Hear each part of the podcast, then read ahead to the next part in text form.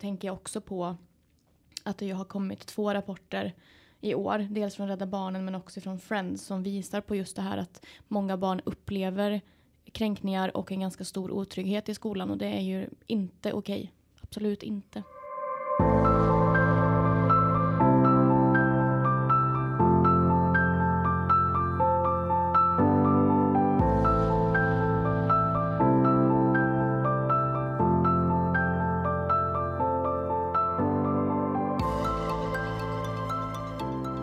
Hej och välkommen till Agera-podden.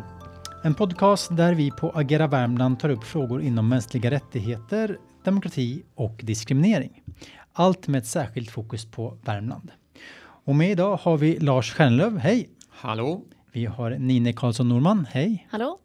Och vi har också Hanna Finell, hallå hallå! Hej hej! Och jag som styr skutan idag heter Per Hydén. Ja, hörni, nu sitter vi här och det är gnistrande frost utanför. Om en månad så är glöggen framme och lussebullarna om man rimmar på paketen. Längtar ni? Ja. Jo, det är jul alltid bra. Nu tycker jag att du är lite elak och säger om en månad. Glöggen kommer väl fram direkt i ja, första advent som är helgen väl? Helt sant, helt sant. Har ni planerat vilken eh, sill ni ska göra än? Ja, inte jag, får jag nog väl erkänna. Nej, jag har bara införskaffat adventskalendrar. Jag tänker vi tar ett steg i taget. Precis. Ja, jag ska nog göra min årliga lingonsill. Den är fin. Spännande. Men hörni, vi hoppar in på uh, rundan med aktuella händelser eller spaningar. Vill du Nine börja? Ja, gärna. Eh, och eh, vi har ju fått en, en trevlig inbjudan ifrån Diskrimineringsombudsmannen på Antidiskrimineringsbyrån att få på ett möte då med DO och de andra antidiskrimineringsbyråerna få prata om en vanlig dag på jobbet. Så det tycker jag känns jätteroligt. Eh, och en vanlig dag på jobbet är ju våran digitala vägledning om diskrimineringslagen i arbetslivet. Som vi liksom har riktat till eh, både medarbetare och chefer så att det ska bli jätteroligt att få prata om det på det här mötet. Visst, ja verkligen roligt. Hanna, Ja, min eh, spaning är inte lika trevlig kanske, men eh, den rör lite, eh, lite våldsdåd som har skett nu senaste tiden faktiskt, där man utreder terrormotiv. Så det ena är ju då förra veckan när det var en taxi som exploderade utanför ett kvinnosjukhus i Liverpool. Och det hanteras ju då som ett terrordåd som eh, väl det, kanske den egentliga planen blev stoppad av taxichauffören verkar det ju som, som överlevde. Men där har man ju nu Gärningsmannen är död men fyra är arresterade där. Och nu senast idag, eller i natt, för det var i USA det hände, så var det en bil som körde in i en julparad i eh, Waukesha i då, Wisconsin i USA. Och än så länge är det redan det är fem som har dött och över 40 skadade så man kan nog kanske förvänta sig att utvecklingen inte är så rolig där. Eh, och där vet man inte om det finns ett terrormotiv eller så än. Men det är ju en hemsk händelse oavsett lite vad motivet är. Mm. Liksom, just terrormotiv så krävs det ju att man hittar någonting som kanske ett manifest eller sådär för att säga att det just det där är. Men det, för de döda så är det ju hemskt oavsett så. Så mm. att eh, tänkte ta upp dem lite för det aktualiserar våra ämnen att det här är något man måste jobba förebyggande med för det det är så svårt att veta exakt vilka individer det är. Det går ju liksom inte att arrestera någon på förhand kanske. Nej. Utan det handlar ju om att man ska jobba mot att liksom folk ska hamna i en sån sits att de tänker att det här är något rimligt att göra. För det är ju, det är ju fruktansvärt så för de drabbade. Precis. Har man tänkt att det här kan ha någonting att göra med eh, tänker just att det var Wisconsin, att eh, när Kyle Rittenhouse blev friad på alla åtalspunkter, det var ju i Wisconsin det skedde. Vet man någonting om det har någon eh, koppling till det? Det är svårt att veta, man vet ju, mm. alltså det hände nu i söndags då, så det är väldigt nyss, så man har inte släppt så mycket information än. Men det var ju en, en julparad som drabbades och det var någon, eh, så det är, man vet att han körde in i en grupp unga tjejer bland annat och några äldre damer som var där och dansade så i den här paraden då. Så nu, jag vet inte om det finns något Nej. som är kopplat till Rittenhouse. Det är också en aktuell händelse, absolut. Ja. Men eh, det, det, verkar, det är en förort utanför eh, Milwaukee som är den största staden där. Just det. Om jag förstått rätt. Mm. Ja, jätte, jättebra. Även om det har tråkiga händelser så är det ju verkligen det aktuellt för oss eh, och hur man kan tänka och jobba kring, kring de frågorna. Lars? Jag kan väl hänga på Hannas spaning lite grann där med att eh, brittiska Prevent, det är ju deras, de har ju ett rapporteringssystem när man eh, upptäcker oro kring våldsbejakande extremism. Och man eh, kom med sin års, årsrapport häromdagen och då är det för första gången nu som, som vit makt utgör en större procentandel än, än religiöst motiverad extremism. Men det som är intressant och med koppling till det som Hanna sa, det är att eh, över hälften av de rapporterade fallen har en, en en, eh, man kallar det för mixed eller unstable ideology. Alltså en, en osäker ideologi. Och mm. det här säger lite grann om vad som håller på att hända just nu kring de här frågorna. Att, att det blir som ett smörgåsbord av olika eh, ideologiska vinklingar som man plockar av. Eh, kanske framförallt de som radikaliseras på nätet. Så att eh, den här tydliga högerextrema eller religiösa eller vänsterautonoma motiv och sånt där blir allt mer otydligt och det blandas samman. Så det var lite intressant i den rapporten just med anledning av att, att det är svårt att, att veta mm. motivbilden alltid. Precis, vad kan det få för effekter för eh, personer som sitter och försöker jobba förebyggande eller fånga upp tidiga signaler just om det går mot en, mot en sån typ av utveckling som man ser i den rapporten. Det gäller nog att man har en bredd i det man, eh, när man tittar på, på extremism, att det inte bara handlar om de här traditionella miljöerna, utan man kanske kan förstå att en konspirationsteoretiker också kan vara en person som radikaliseras till exempel, och att man tar höjd för att, eh, att våldsdåd kan komma från fler håll än, än från religiöst eller vit makthåll till exempel. Jag tänker att kunskap där är jätteviktigt för oss alla. Ja. Att man förstår och följer med i den utvecklingen man ser. Och lite som Hanna var inne på att jobba med tidigt förebyggande, att se signaler tidigt, att fånga upp individer som är på väg i ett utanförskap. Eh, det tror jag är väldigt viktigt. Mm. Jättebra. Jag hade också en, en uh, liten aktuell händelse jag tänkte nämna. Det var att jag och, uh, eller Nina och jag, vi var ju förra veckan på Ingesunds folkhögskola och pratade för två elevklasser där om eh, yttrandefrihetens gränser körde vi en föreläsning om. Mm. Vilket var väldigt eh, roligt tyckte jag i alla fall. Mm, ja men det var jättekul.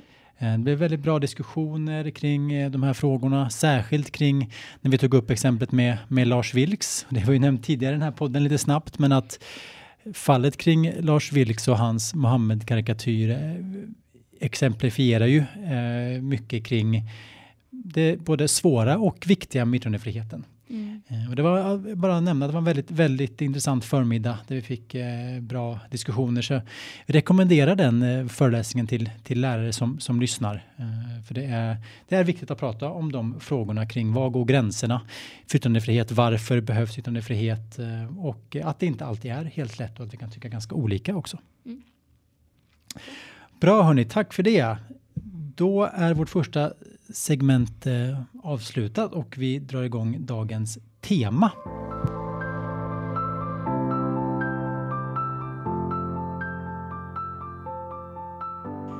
Vi ska till skolans värld och eh, prata språkbruk, tänkte jag.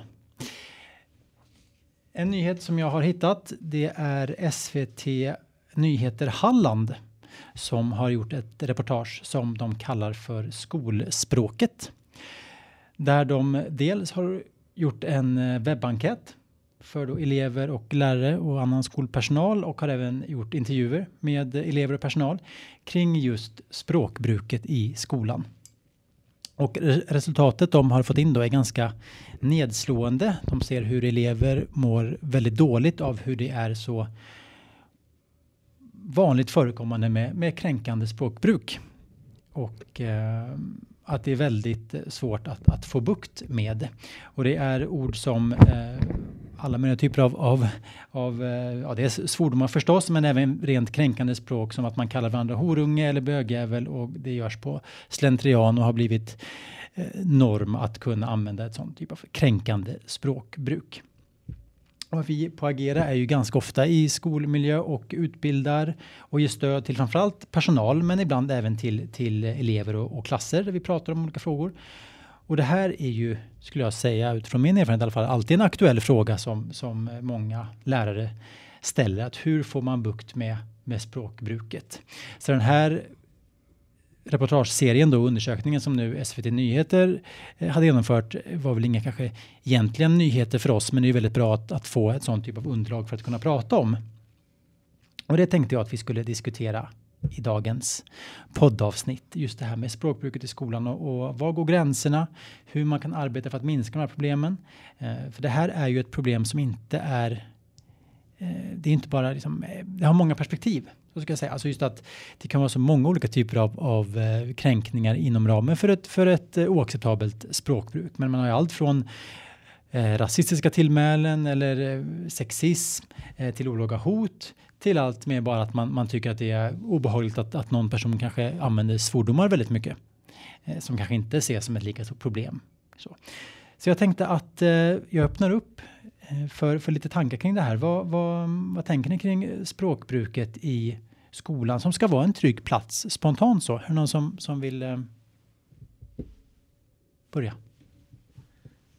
Jag kan väl bara hänga på det vad, vad du pratar om. En viktig del i språket det är just det här vilken, att det skapar normer. Det, det blir ett förhållningssätt som ju, som ju i negativ bemärkelse då kan bli väldigt otrevlig på en skola. Till exempel det här att, att för tjejer att bli kallad för hora ständigt så, så ofta så att man till slut inte reagerar på det. Mm. Och så blir det då ett, ett sätt att uttrycka sig. Och, och då förstärks ju det här och det blir den här förflyttningen i vad som är okej. Okay och, och det ser vi också i, kanske lite grann i den allmänna debatten kring, kring rasism och, och hela den biten. Liksom att, att man hela tiden flyttar de här gränserna för vad som är okej. Okay. Och då blir det svårt när vi verkligen sen behöver kraftord också om vi har, om vi har liksom slösat bort dem i ett kränkande språkbruk på en, i vardagen. Ja, precis. Mm. Och här tror jag det är jätteviktigt att eh, vi liksom pratar med barn och unga om varför vi behöver tänka på liksom hur, hur vi pratar och vilka ord vi använder och att vi inte bara är där och pekar med fingret och säger så där får man inte säga.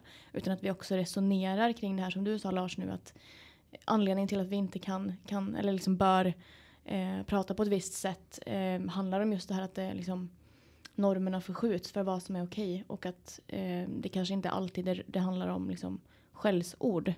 Eh, och att eh, det är viktigt att vi liksom fångar upp även det. Så att det, vi inte får den här normaliseringen. Eh, och så tänker jag också på att det har kommit två rapporter i år. Dels från Rädda Barnen men också från Friends som visar på just det här att många barn upplever kränkningar och en ganska stor otrygghet i skolan och det är ju inte okej. Okay. Absolut inte. Ja, alltså det är flera saker som är intressant här. Både vilka grupper det är man kallar vad. Där det liksom, ja, blir tjejer horor, ja då har man helt plötsligt skapat en grupp och en syn på tjejer och sen senare kvinnor. så. Eh, men också, jag tänker vad det är man använder för någonting. Ja, men, används bög fortfarande som skällsord? Ja, då skapar man väl kanske en negativ bild kring vad det innebär att vara homosexuell och sådär också. Det är väl liksom kanske standardgrejen, tänker jag. Mm. Precis, och jag tror också säkert att det inte i, i många fall så tror jag att det, som du är inne på Lars också, att det, det blir en norm. Så att varje gång någon säger eh, bögjävel, även fast det blir som ett skällsord, tänker nog kanske inte den personen alltid så här, det här är just mot alla homosexuella. Men ord betyder ju någonting eh, ändå. Så det är ju ändå viktigt att kunna prata om eh, vilka ord vi använder och när och varför också. För i många fall tror inte jag man riktigt så här kanske skulle kunna motivera varför man just använder det ordet. För det, det kanske man använder och det har satt sig på något vis. Men det är ju väldigt, väldigt problematiskt. Mm. Och sen tror jag också att det kan komma en hel del liksom motstånd eh, kring det här. För att eh, på tal om yttrandefrihet, alltså att vi har ju vi, vi, vi, får ju säga ganska mycket om andra människor och till andra människor och, och, och sådär. Och det är ju liksom, det är en del av yttrandefriheten. Men just den här diskussionen om vad vi bör säga till varandra Eh, det kan ju komma en del motstånd där, att man tycker att eh, ja, men det innebär ju en begränsning av, av, av ens frihet om man ska behöva tänka på hur man uttrycker sig och vad man säger och ja, vilka ord man använder. Så därför tror jag att det är jätteviktigt att, att eh, vi liksom kan resonera med barn och unga om varför det här är så viktigt och att det, ja, men det är viktigt att få med alla på tåget, liksom, vad det handlar om och varför Precis, och det här, det här pratade vi ju om förra veckan, du, du och jag, Nine, eh, just när vi var på Ängelsunds folkhögskola. Just det här att att man förstår att ja, vi har yttrandefrihet och den är ju extremt viktig att försvara och den är väldigt långtgående. Men det är ju fortfarande inte så att man får säga vad som helst överallt. Och just när man är i skolan så finns det också begränsningar i yttrandefriheten för vår allas trygghet och det är ju extremt viktigt att, att trycka på det för där finns ju en del missuppfattningar också att man kan vissa tror ju att man bara kan slänga ut vad som helst och sen skylla på att de gör yttrandefrihet mm. eller bara säga så nej men du behöver inte ta åt dig det är bara så jag pratar och det är ju inte så det funkar utan där måste vi göra krafttag och visa på att nej men alla ska ha rätt att känna sig trygga i sin skola och då ska man inte behöva höra sådana här typer av, av språkbruk eh, dagligen. Ja, precis. Jag tänker, vem är det som bestämmer när någonting blir kränkande och så här? Man förstår ju, det är personen som uppfattar och sånt. Men jag tänker om hur vuxna reagerar. Om eh, eh, ja, men ett barn säger att någon annan är bög eller tjock eller något och man kommer och säger det får man inte säga. Så tänker jag att man också skapar en bild av att det inte är okej okay att vara kanske tjock eller bög också. Om det nu är något så fruktansvärt kränkande att man inte ens får säga sådana ord. Liksom. Så jag tänker hur ska man ta diskussionen kring det för att göra det så bra som möjligt. Liksom. Något som jag brukar prata om när, när eh, vi får frågan från, från lärare och personal så, så är det ju att man måste prata om faktiskt rena ord. Alltså vilka ord är okej okay och vilka ord är inte okej. Okay. Alltså var går gränsen? Eh, I många fall tror jag att de flesta lärare och skolpersonal känner det på sig i stunden. Eh, om det är så att man, man pratar om, vi tar ordet som bög då, om man pratar om någon och att man använder det som skällsord eller inte. Jag tror att man ofta kan avgöra det på, på tonfall och liknande. Men det är jätteviktigt att, att personal och skolledning faktiskt sätter sig ner. Man kanske inte måste ha en fast lista, men man i alla fall tar upp vissa ord som är uppenbart kränkande, så är alltid kränkande. Eh, som typ horunge eller bögjävel eller så. Det finns ju en, en rad andra också. För något som är så viktigt när det gäller just skolan och hur personalen ska agera, det är ju att alla måste ju agera och ha en samsyn kring det. För det går ju inte då att bara några lärare eller några specialpedagoger säger till när man hör någonting, utan det måste ju alla göra. Alla vuxna på skolan måste ju ha en samsyn kring det här och därför måste man lägga tid och resurser eh, på de här frågorna om man liksom vill få bukt med, med, med det här problemet. Och det innebär ju väldigt mycket tid för det innebär ju också att ja, men när elever då går över gränsen, ja, men då kan det bli så att ja, men då är det föräldrasamtal och det, och så här, det kräver ganska mycket resurser och tid, vilket kanske inte lärare har. Så jag förstår att det här är, det är svårt, men det är så jag brukar prata med, med, med skolledning och skolpersonal när man får frågan att det här kräver resurser om man vill ta tag i problemet på riktigt, men det är ju väldigt viktigt att, att man gör det. Jag tänkte fråga dig Lars, du har ju jobbat mycket i, i skolan. Um, har du erfarenhet av att jobba med just språkbruk? Ja, men det var väl något som ofta kom upp och, och framförallt så är det viktigt att inte bara göra det till ett problem bland barn och unga, utan det är också viktigt att se hur, hur vi vuxna använder språket också, för vi är ju många gånger en spegel till barnen, så att eh, som vi beter oss så, så beter sig ju ungdomarna också. Mm. Eh, även om det kanske förstärks i, i ung, ungdomsgrupperna så, så kommer ju ofta språket någonstans ifrån. Men just det här att, att verkligen eh, också titta på ordens betydelse. Vad står de här för? Och, och att gå ner på och, och, diskutera orden. då får man också ganska intressanta samtal och kan också förändra kanske en attityd kring, mm. kring hur man använder språket. Så att just ordförståelsen är viktig så att det inte bara blir ett skällsord utan att man förstår att det här är ett ord som är laddat med en rad olika saker. Så att eh, diskussionen kring, kring ord förekom ganska ofta och eh, när man liksom väl kommer in på det då är många gånger också ungdomarna väldigt intresserade och tar till sig och funderar kring hur språkbruket är. Mm. Mm, jag, jag, tänker också på just det här kring att det kan ju finnas väldigt olika uppfattning om vad ord betyder. Det, liksom, meningarna där kan ju vara ganska skilda. Och där är det väl också då jätteviktigt att, att prata om det. Um, och att det är det som blir det viktiga, liksom, att prata om de olika uppfattningarna och, och bara medvetandegöra att det kan uppfattas på olika sätt och så vidare med ett visst ord. Um, ja, jag tänker bara kring att det det kan bli en diskussion liksom, och det gäller att, att inte kanske ja, men döva det samtalet. Mm. Så. Ja, precis, och inte heller tänker jag att man Så just att man får väldigt uh, tänka mycket på bemötande mot elever och det, och det är klart det lägger mycket, eller lärarna lägger mycket tid på att känna av och, och, hur, och tänka på hur man ska bemöta elever som stör i klassrummet eller eh, inte agerar på ett acceptabelt sätt gentemot sina eh, klasskamrater och så vidare. Men det är viktigt också att man inte pekar ut någon eller bara slänger ut någon på grund av språkbruk, för det kanske är sällan så enkelt problem heller, utan den eleven, den människan har också rätt att, att bli sedd. Så det är väldigt viktigt att man har en plan också för hur jobbar man med, med den här eleven när det kanske är problem just kring språkbruk och man också får verktyg med att jobba det, för det kan ju sitta ganska starkt och det kan också vara någonting som man har en gemenskap, gemen, eh, gemens, det kan vara en gemensamhetsgrej i sin kompiskrets eh, att använda någon typ av språk och man menar ingenting illa och känner sig bara censurerad om, om nu kommer de tråkiga vuxna här. Så att, ja, att ta ett st större grepp på frågan. Men, men, jag tror som sagt att det, det gäller för skolorna att, att, satsa på det om man vill få bort det. Och jag tror tyvärr att många då skolor inte riktigt har de resurserna och inte kanske prioriterar det då för att det är så pass svårt att ta tag i.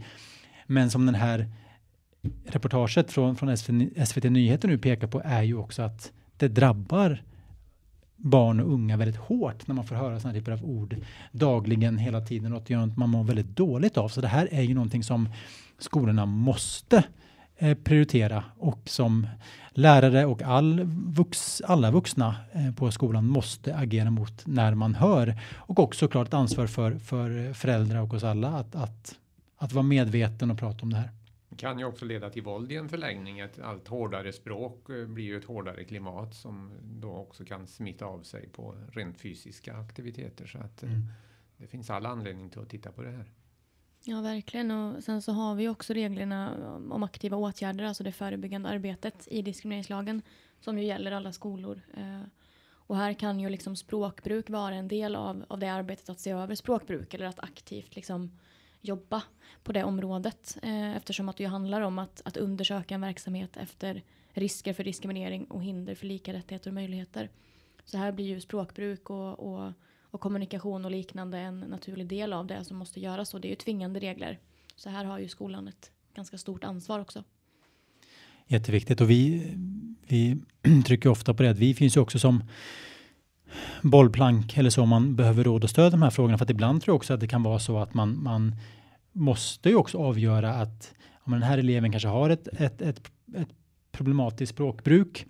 Eh, men är det av väldigt kanske extrem rasistisk karaktär, då kanske man måste också avgöra eh, finns det risker för radikalisering här eller hur mår den här individen? Och det kan vara svårt som elevhälsoteam eller eh, mentor eller lärare så att kunna, kunna avgöra det själv. Så då finns ju vi att kunna bolla med. Så att man inte bara slår undan heller en sån typ av, av um, problematik och tänker bara nej men det är bara en, en jargong som finns här. Det kan ju vara likadant med en väldigt extrem sexistisk jargong, att det finns ett underliggande eh, kulturellt problem eh, gentemot kvinnor exempelvis som man måste ta tag i på ett, på ett större sätt. Och inte bara så på mattan heller och säga bara nej men det är det är en jargong som finns här och det, de menar ingenting eller, eller han menar ingenting eller hon menar ingenting.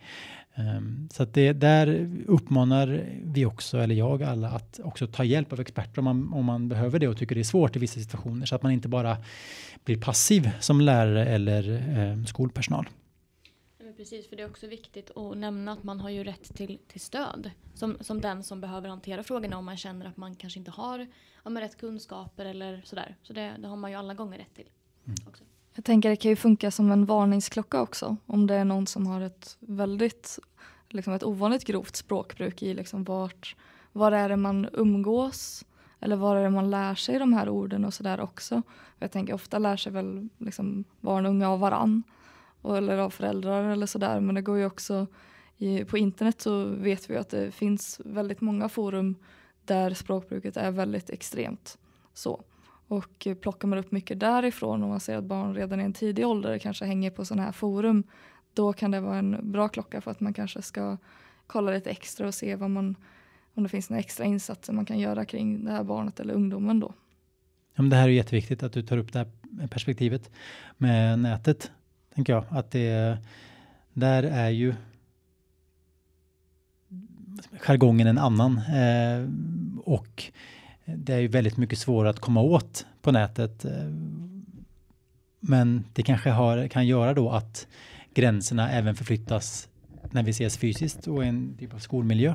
Ja, men jag tänker det. Alltså det. Man kanske inte som lärare har koll på vad de unga gör på nätet exakt på sin fritid såklart. Det är väl väldigt rimligt. Men eh, det speglar sig också. Jag tänker det man gör på stor del av sin fritid. Om man hänger på forum och eh, läser väldigt mycket kommentarer där det är andra ord som används, ja då normaliseras ju det i verkligheten också. Det är inte så att man har liksom en, hel, en personlighet som är online och att man är en helt annan människa och att de inte har någonting med varandra att göra, vem man är i skolan och vem man är på fritiden. Så att det finns mycket att lära, tänker jag. Precis, och det är ju inte att det är kanske lättare eller svårare, men menar, det är ju så att är, spelar du ett online-spel och du upplever en väldigt kränkande jargong, då har du ju ändå ofta möjligheten att stänga av det spelet. Skolan måste du gå till varje dag och det är väldigt viktigt för din, för din framtid att du ska lära dig saker och menar, känner du inte trygg där och kanske riskerar att bli hemmasittare för att du mår så dåligt av, allt, av alla kränkningar så, som du hör så har vi ett enormt problem för en individ och för en skola förstås i förlängningen. Eh, men eh, perspektivet med nätet och hur vi alla är mot varandra då online är extremt viktigt att ha med även i det här eh, arbetet. För det är såklart att ett spel kan alltid stänga av men jag tror att de flesta av våra barn och ungdomar, precis som vi vuxna, finns ju närvarande vid sociala medier och det, det stänger vi sällan av utan där kan det ju plinga på alla möjliga eh, typer av meddelanden eh, med kränkningar och så vidare som eh, återigen bara gör, normaliserar e- ett, ett språkbruk än mer. Så det här är ingen lätt fråga. Det kan vara bra att slänga till äh, lyssnare som inte är lärare eller jobbar i skolan eller så att det här är en fråga som kanske är viktig att tänka på för alla oss andra också för vi vet ju inte alls om man skriver öppet på typ Twitter eller liksom någon annan social media så vet vi inte vilka som är mottagarna av det det liksom, om man har perspektivet att det skulle kunna vara en tolvåring som sitter och läser det här skulle vi uttrycka oss på samma sätt? Kanske inte alltid så det kan vara bra att tänka över det. Mm. Mm, och jag tänkte också att jag skulle passa på att nämna det att eh, på tal om det här ämnet så är det ju faktiskt just nu en uppmärksamhetsvecka som startar idag för eh, barnrätt och barnfrågor som anordnas av Seminätverket. Eh, så här finns ju en hel del seminarier och liknande som, som sänds, jag tror det mesta är digitalt, eh, under den här veckan. Eh, som också ja, blir väldigt aktuellt med just det här ämnet. Så man kan inhämta mycket nyttigt där. Det var väl ett eh, perfekt slutord tänker jag för den här diskussionen kring språkbruk i skolan. Det finns jättemycket såklart att säga om det här. Det är ett eh, mångbottnat problem med många perspektiv. Jag tackar så mycket för dagens samtal med er och tack till dig som har lyssnat. Kolla gärna in Agera Värmland på sociala medier. Du hittar även mycket information på ageravärmland.se. Hej då! Hej då!